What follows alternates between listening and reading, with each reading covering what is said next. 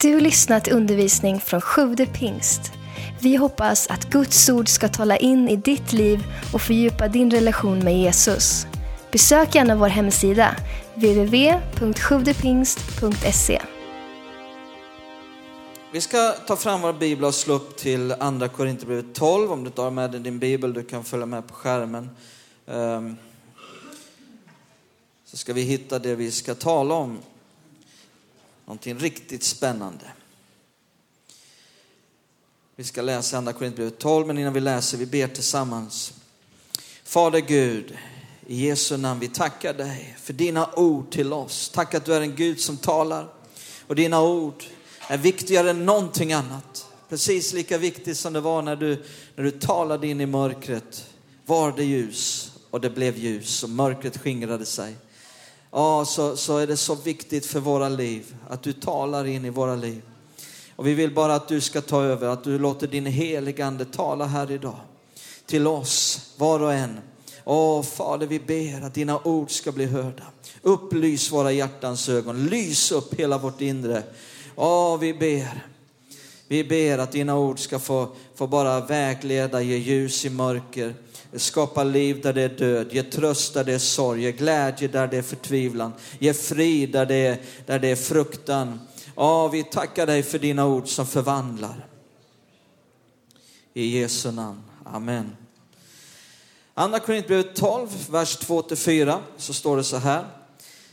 Jag vet om en man i Kristus som för 14 år sedan blev uppryckt ända till tredje himlen. Kan alla säga himlen? Om han var i kroppen eller utanför kroppen vet jag inte, Gud vet du.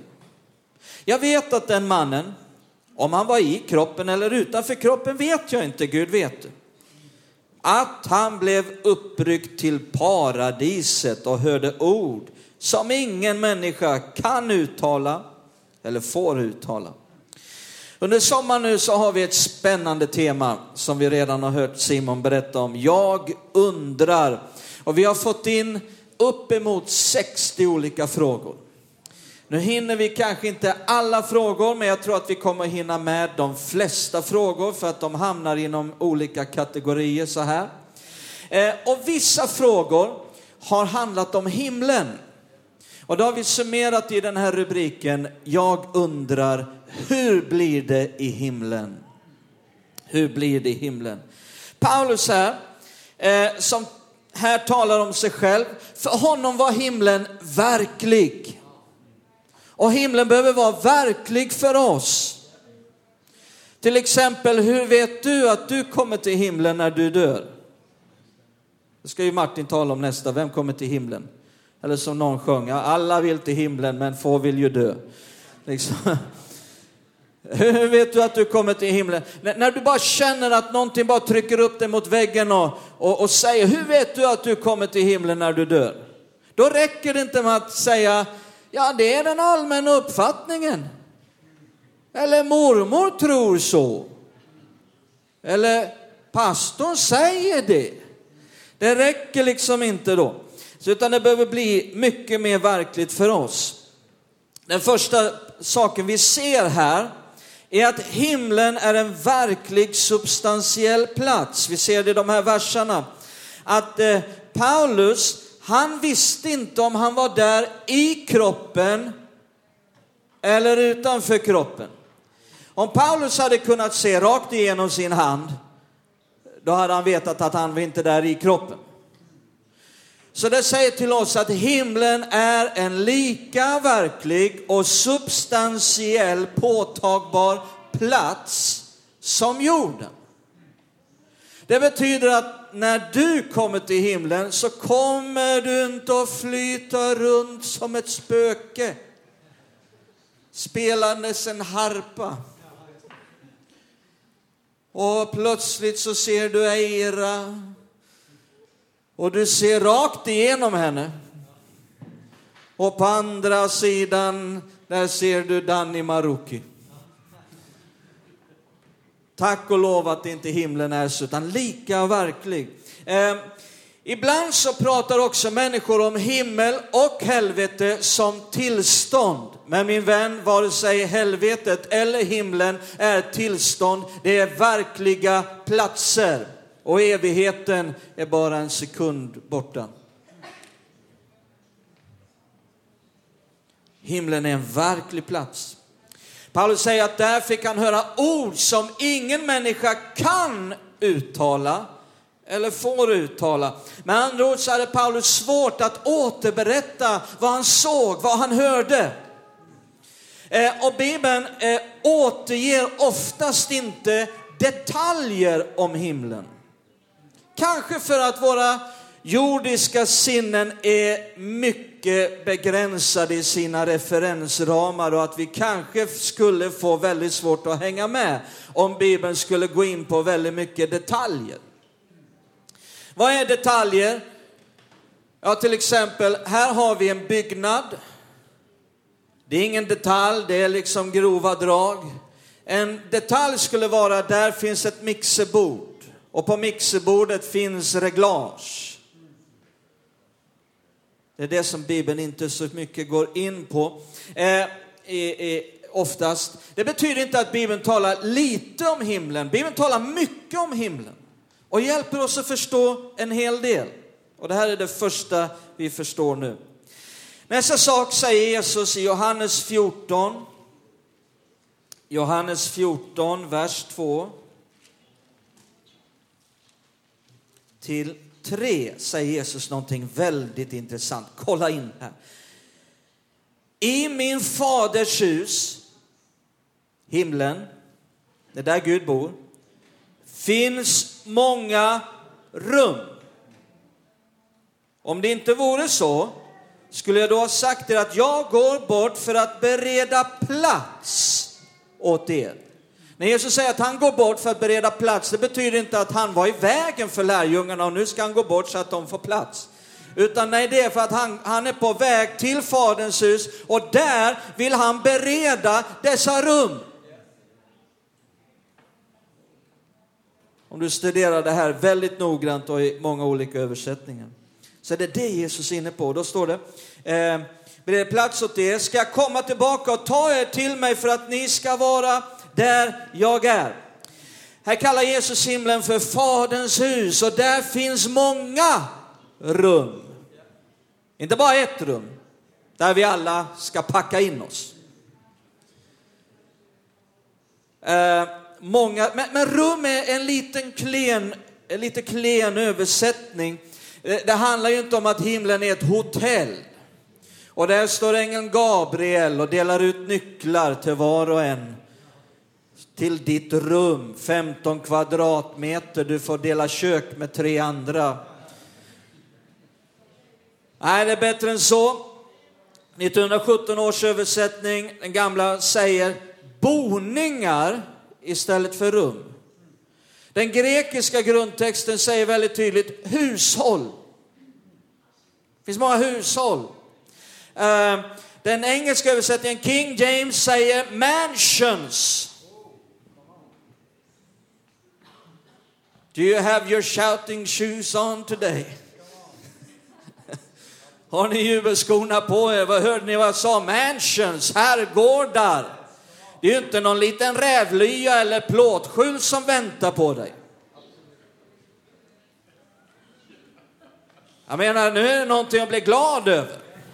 Vi är en pingstkyrka, det är okej okay om du ropar halleluja. Herrgårdar hushåll. Och så står det att Jesus vill bereda detta för dig. Det fanns en, en, en väldigt fin gudskvinna som levde på 1800-talet. Hon hette Rebecca Springer. Väldigt gudfruktig, väldigt trovärdig människa. Och hon eh, fick en sjukdom och hon låg på det, på det yttersta och svävade mellan liv och död hela tiden. Ibland trodde de att hon var död och sen visade det sig att hon levde i alla fall. Och under den här tiden så fick hon en fantastisk upplevelse där hon hade en så kallad nära döden upplevelse som, som varade ganska mycket. Hon blev tagen till himlen, hon fick se saker, uppleva saker och det finns nedtecknat i en bok som heter Intramuros.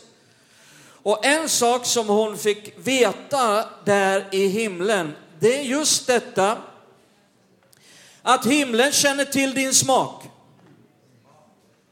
Och de som har gått före dig, släkt och vänner, familj, de jobbar på din bostad.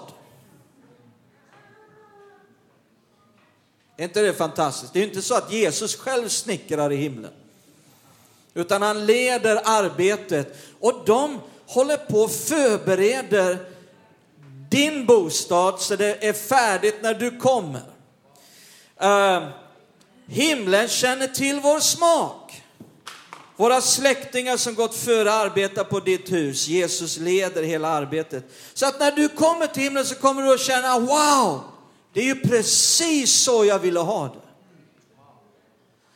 I himlen har alla en fast bostad. Det betyder alltså att det finns många rum som vi läste. Det betyder att du kommer inte att luffa runt i himlen. Var ska jag spendera nästa 200 år? Här sitter Melinda under ett träd. Får jag slå mig ner här hundra år? Nej, du kommer inte rotlös att driva runt, du kommer att ha en bostad. Halleluja! Visst är det underbart? Titta här i andra Korinthierbrevet 5.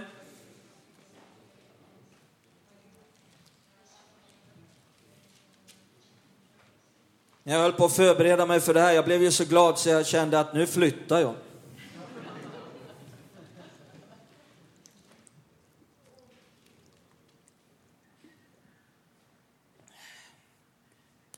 Andra Korintierbrevet 5, vers 8. Men vi är ändå vid gott mod och skulle hellre vilja flytta bort från kroppen och vara hemma hos Herren. Hemma hos Herren. Himlen är vårt verkliga hem. Bibeln säger att här på jorden är vi gäster och främlingar. Här på jorden kommer ingen av oss att känna den här varaktiga hemkänslan. Har ni lagt märke till det, att det, det, det, har liksom svårt att infinna sig? För det här är inte vårt verkliga hem. Och när vi dör så flyttar vi hem. Inte bort, det är inte en bortgång, det är en hemgång. Till Jesus, säger Bibeln. Titta nästa sak i Uppenbarelseboken 7. Uppenbarelseboken 7. Vers 16 och 17. De ska aldrig mer hungra eller törsta, inte heller ska solen eller någon, någon annan hetta träffa dem. Ty lammet, Jesus som offrat sig, står mitt för tronen och ska vara deras herde och leda dem till livets vattenkällor. Och Gud ska torka bort alla tårar från deras ögon. När Bibeln ska beskriva himlen, istället för att tala om vad som finns där, så talar Bibeln om vad som inte finns där. Det som vi kan relatera till. Hunger och törst kan vi relatera till. Det finns inte där. Inte så att vi, kan, att vi inte kommer att äta och dricka. Utan här talas om en hunger och en törst som inte möts. En svält. I himlen läser vi, finns inga tårar. Det vill säga inget som orsakar sorg.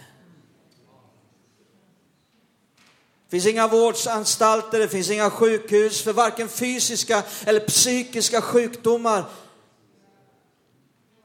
drabbar invånarna. Himlen är ett land fritt från förbannelse. Där råder inga strider. Där råder den fullkomliga kärleken, harmonin mellan invånarna. Är det inte underbart? Nu ska vi något mer intressant i Lukas 19. Lukas 19.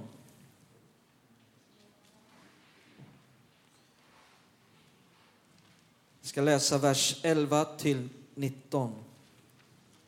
Lukas 11, vers 11 till 19.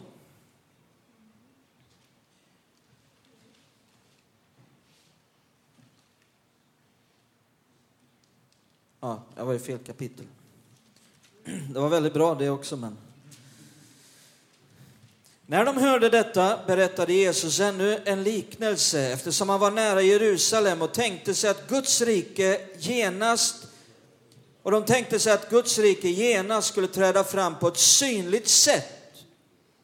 Lägg märke till nu, liknelsen handlar om att Guds rike ska träda fram på ett synligt sätt. Det var så folk tänkte. Han sa en man av förnäm släkt for till ett land långt borta för att få kungavärdighet och sedan komma tillbaka. Jesus ska komma tillbaka. Han kallade till sig tio av sina tjänare och gav dem tio pund och sa till dem, gör affärer med dessa tills jag kommer tillbaka. Men hans landsmän hatade honom och när han hade farit skickade de sändebud som skulle säga, vi vill inte ha honom till kung över oss. Men han fick sin kungavärdighet och när han kom tillbaka lät han kalla till sig tjänarna som hade fått pengarna. Han ville veta vad var och en hade förtjänat. Den första kom och sa, här är ditt pund, har gett tio pund till. Då sa kungen, bra du gode tjänare, eftersom du har varit trogen i det minsta ska du härska över tio, vadå? Städer, kan han säga städer? Den andra kom och sa, ditt pund har gett fem pund till. Kungen sa till honom, du ska härska över fem städer. Det räcker så långt. När Jesus kommer tillbaka och upprättar Guds rike synligt, då kommer det inte längre att vara det här stora gapet mellan jord och himmel. Det är inte Guds tanke. I himlen och vidare in i allt detta som vi läser om här, så kommer vi att vara väldigt sysselsatta. Så här är frågan, vad är vår sysselsättning i himlen? Vi kommer att vara väldigt sysselsatta. Här talas om många städer. Vad är en stad? En stad är ju till exempel summan utav alla invånare, alla hushåll, byggnader, liv, sysselsättningen i staden. Om alla spelade harpa, då skulle det ju inte vara något större arbete att leda de här städerna. För alla var ju sysslolösa. Nej, det är ett stort arbete att leda de här städerna därför att alla invånarna är väldigt upptagna med allt möjligt. Himlen är säkert en lika komplex tillvaro som jorden. Därför att Gud är mångfacetterad. Gud uppenbarar sin natur i skapelsen. Och vi ber, Jesus sa, så här ska ni be, ske din vilja i himlen så och på jorden. Och Guds vilja på jorden är att vi ska vara sysselsatta med olika uppdrag, eller hur? Då vet vi att då är det Guds vilja i himlen också. I himlen kommer vi att tjäna Gud på olika sätt. En av de större eh, pingstpionjärerna under 1900-talet i vårt land, en av de främre, mest kända pastorerna eh, som var med och röjde vägen för pingstväckelsen, eh, eh, Georg Gustafsson. En del kanske har till och med hört honom tala här. Eh, det berättas om att när han, var, när han hade levt väldigt länge och han var på sitt yttersta, han låg på sjukhuset, eh, så var det en pastor som hette Bo Hörnberg, han var och besökte honom. Och Georgs liv svävade mellan liv och död och, och eh, likadant med honom. Ibland så trodde de att han var död men så kvicknade han till och levde lite till. Och, så, det var liksom, och, och eh, vid ett tillfälle så var han helt borta. Eh, och man, eh, det var bara fråga om no någon dag eller sådär. Och, eh, och Bo Hörnberg var där som var pastor och eh, plötsligt så tittar Georg upp och så säger han, nu har jag varit i himlen. Och vad roligt det var! Och Bo Hörnberg som var lite finare i kanten, han sa, du menar trevligt? Han tyckte inte man fick säga att det var roligt i himlen. Då säger Georg, nej du hör vad jag säger, det var roligt! Och vet du vad, jag har fått träffa alla dem jag ska samarbeta med i himlen. Det var han extra glad över. De hade redan haft något sammanträde. Lagt upp planerna. är inte det fantastiskt? Och när han, sista dagen han levde, då var hans dotter där på besök. Och så säger han, kan du hjälpa mig, jag behöver gå på toaletten. Så han stapplar in på toaletten och sen tillbaka till sängen. Och så säger han till sin dotter, nu är det dags för mig att flytta hem till Jesus. För nu är hela rummet fyllt med änglar och där står Jesus. Och sen var det bara, sen dog han bara lite senare. Vilket sätt att flytta hem. Men vi kommer att vara sysselsatta. Titta vad vi mer ska vara sysselsatta med i, i Matteus 8.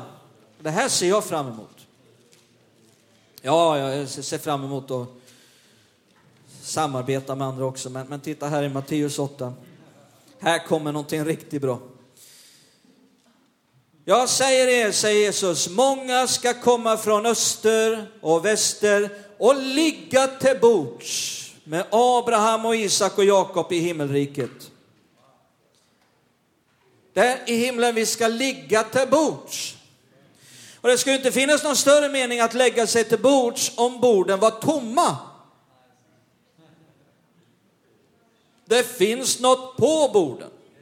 Mat. Ja, men vad blir det för mat? Ja, det vet jag inte, men jag hoppas på hamburgare. Detaljerna får vi, får vi vänta med, men jag, jag har bestämt mig för en sak, att jag hoppas att han som uppfann hamburgaren har kommit till himlen, för jag vill ge honom en stor kram. Om du får ketchup, det, jag vet, jag ser att vissa sitter med den frågan just nu. Får jag ha ketchup? Jag vet inte, vi får vänta med det. Eh, men vad vi kan se utifrån här, den här, det är att himlen är en social plats där vi umgås. Underbart va? Eh, I Uppenbarelseboken så står det att det finns böcker i himlen. Och bland alla böcker en bok, Livets bok. Jag tror att himlen är en plats för studier. Det kommer inte att vara så, det kan, kanske gör någon ledsen nu, men det kommer inte att vara så att när du kommer till himlen så bara pang ett ögonblick så vet du allt. Bang liksom. Oändlig kunskap. Det kommer inte att vara så. Utan jag tror att vi kommer att studera, jag tror att vi kommer att lära oss eh, in i all evighet.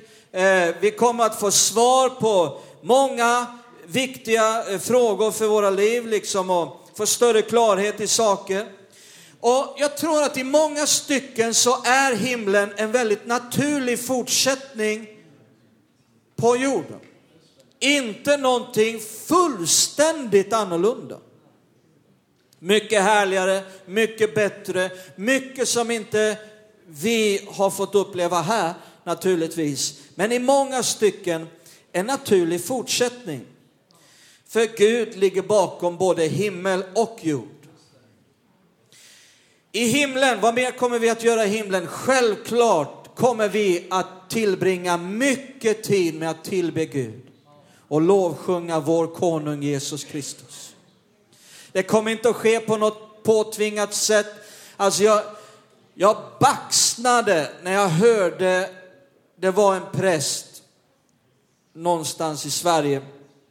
Och jag kände den som var kantor personligen, en väldigt nära vän till mig. Han hade varit på ett, ett eh, personalmöte och då hade den här prästen sagt att Vet ni vilket helvete det kommer att vara när vi kommer till himlen och vi måste prisa Gud i all evighet? Och jag kände, det var nog bland det mörkaste, hemskaste jag någonsin har hört. Jag tror inte han behöver göra sig något större bekymmer att få komma dit. Om han inte ändrar sig. Ber Gud om förlåtelse. Jag vet inte om evigheten räcker till för min del att på ett tillfredsställande säga tack Jesus. Tack Jesus för vad du har gjort för mig. Tack Gud. Jag skulle kunna göra det i all evighet. Men det kommer inte att ske på något påtvingat sätt i himlen. Det kommer att ske ifrån djupet av våra hjärtan. Bara tänk dig när du kliver in i himlen och där får du möta de, de, de familjemedlemmar, de vänner som har gått före och de du har vunnit för Jesus. Och, in, och, och, och framförallt du får möta Jesus själv. Och du får inse att de problem du hade här på jorden, de är borta. Och härligheten är total. Jag menar då är det fråga om evigheten räcker till för att på ett tillfredsställande sätt få uttrycka vår tacksamhet. Halleluja. Precis som vi drar samman här på söndagar, framför allt så kommer vi hit till kyrkan för att tillbe. Det är det vi gör. Det är den främsta anledningen till att vi är här idag. Det är att vi kommer från olika hushåll, olika bostäder. Och så drar vi samman, för vi vill ge uttryck för vår tacksamhet till Gud en gång i veckan. Då är jag inte hemma och klipper gräs min vän. Då är jag inte och målar hus någonstans. Då ligger jag inte på en strand för att bli brunare. Då är jag här med mina syskon. Komma vad som komma vill, men jag vill samlas med mina syskon för att tacka Gud. Det är den främsta anledningen till att vi har gudstjänst. Och det kommer vi att göra i himlen också. Det är min fulla övertygelse att vi drar samman från våra olika bostäder för att tillbe Gud och Lammet. En sista sak då i Lukas evangelium kapitel 16. Kommer vi att känna igen varandra i himlen? Eller är det så att när du kommer till himlen och du undrar var är pappa? Det är ingen som vet var han är. Och du får leta i tio år. Är det någon som har sett min pappa? Han ska vara här någonstans. Men jag känner ju inte igen honom. Och vi känner inte igen varandra i himlen. Eller hur kommer det att vara? Är det så det kommer att vara? Jag är glad du ställde den frågan. Jag undrar, känner vi igen varandra i himlen? Lukas 16, vers 19 till 28. Det var en rik man som klädde sig i purpur och fint linne och levde var dag i glädje och fest. Men vid hans port låg en fattig man som hette Lazarus full av sår. Han längtade efter att få äta sig mätt på det som föll från den rike mannens bord, ja, hundarna kom och slickade hans sår. Så dog den fattige och föddes av änglarna. Lägg märke till det. Han dog och föddes av änglarna till platsen vid Abrahams sida. Andra översättningar säger sköte. Bosom står det på engelska. Vad betyder det? Jo, på den här tiden när det, det, det betecknar fest. För männen på den här tiden, du kan läsa Jesus och lärjungarna gjorde så, att när det var fest då låg man. Och, och så lutade ofta en man sitt huvud mot en annan mans mage sida, sköte eller vad du vill kalla bussen. Och det gjorde man när det var fest. Johannes gjorde det på Jesus. Så för en jude så handlar det här om fest. Det är någonting glädjefyllt där vid Abrahams sida. Även den rike dog och begravdes. När han plågades i helvetet Eh, grekiska så står det inte helvete, det står Hades. Helvete kommer från det latinska ordet eh, hell på engelska, helvete på svenska. Det grekiska ordet är Hades. När han plågades i, i Hades lyfte han blicken och fick se Abraham långt borta och Lazarus hos honom. Då ropade han, Fader Abraham, förbarma dig över mig och skicka Lazarus att doppa fingerspetsen i vatten för att svalka min tunga, ty jag plågas i denna eld. Men Abraham svarade, mitt barn, kom ihåg att du fick ut ditt goda medan du levde under det att Lazarus fick ut det onda. Nu får han tröst och du plåga. Och till allt detta kommer det att det är en, en stor gapande klyfta mellan oss och er, för att de som vill gå över härifrån till er inte ska kunna det och för att inte heller någon därifrån ska kunna komma över till oss. Den rike mannen sa, då ber jag dig, fader, att du skickar honom till min fars hus för att varna mina bröder eh, så att inte de också kommer till detta pinorum. Eh, så det fanns också ett pinorum, den andra avdelningen. Det som är viktigt att se här, det är att det här är inte en liknelse. Jesus återger här en verklig berättelse. Och det vi ser här, det är att eh, innan Jesu död och uppståndelse, ända fram från Adam till Jesu död och uppståndelse, de som dog, de gick ner. Kom inte till himlen. De gick ner i Hades. Där fanns två avdelningar. Ett pinorum och Abrahams sida. När Jesus uppstod, Abrahams sida var då en, en, en plats av vila, man skulle kunna säga ett paradis till och med.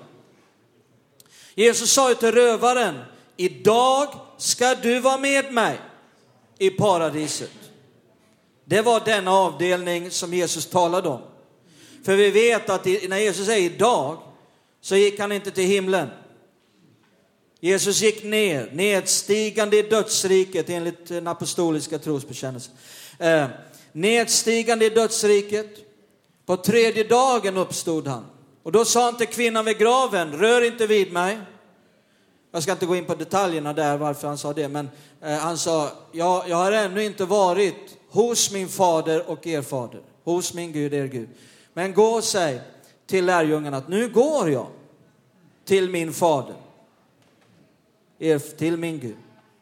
Där var Jesus på väg från dödsriket, uppstod från de döda, gick in i det allra heligaste i himlen och vann en evig förlossning, säger Bibeln, med sitt eget blod. Så han var i Hades i tre dagar, fram till den tredje dagen.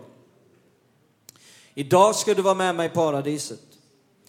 Ehm, så när Jesus uppstod från de döda, då förflyttades den här avdelningen och de människorna som var i Abrahams sida till himlen.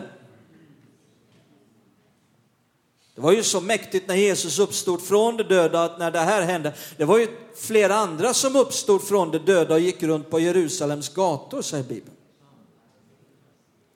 Men jag ska inte gå in på allt vad Efesierbrevet, Petrusbrevet och de här eh, eh, bibelställena säger om detta.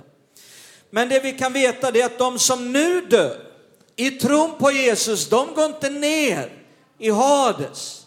De går upp och hem till Herren, till tredje himlen, till paradiset som Paulus talade om i det första bibelstället vi läste. Men det vi vill se här nu, det är svaret på frågan, känner vi igen varandra? Och vi märker i den här berättelsen att den rike mannen kände igen Lazarus. Du kommer att känna igen. Du kommer inte att se helt annorlunda ut. Ja, nu kanske det var någon som blev ledsen här, för du har sett fram emot, liksom- jag, vill, jag vill inte se ut så här. Alltså jag hade ju hoppats på en lite finare näsa än det jag går runt med, känner jag personligen. Och liksom lite läng- hårfästet lite längre fram så här. Och en del hade önskat med, lite mindre med finnar eller någonting. Eh, vet du vad, jag tror att vi, vi får en viss makeover. Jag tror att det, det liksom, du kom, vi kommer att känna igen dig, men vi kommer att känna wow. Finnarna är inte där längre. Jag kommer ihåg, jag stod och undervisade på en bibelskola, så sa jag, så sa jag plötsligt, ni vet det, det, det, det finns inga finnar i himlen. De, och jag menade inte någonting annat, jag sa liksom, jag pratade om, om liksom hur, så här. Då var det en orolig syster på första raden som vände sig, hon var från Finland. Så hon vände sig till den som satt bredvid. Är det sant? Finns det inga finnar i himlen? och hon började askarva den andra. Och jag visste inte vad som försiggick. Jag fick reda på det efter lektionen, vad, vad som hade sagts där. uh, och sen ser vi till sist, han föddes av änglarna. Det finns en sång, när du går över floden går du ensam. Nej, du går inte ensam.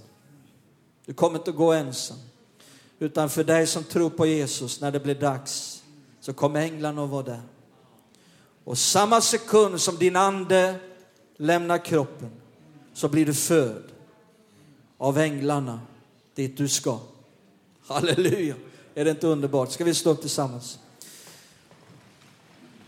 Låt oss bara vända våra hjärtan en liten, liten stund, några minuter till Herren just nu. Bara tacka honom. Kanske du vill bara säga tack Jesus. Tack att jag får komma till himlen. Tack att jag tillhör himmelriket. Tack att jag får vara medborgare i detta rike. Tack att min evighet är trygg. Tack att, kanske att du bara vill säga tack. Kanske får man en enkel bön av, av tacksägelse.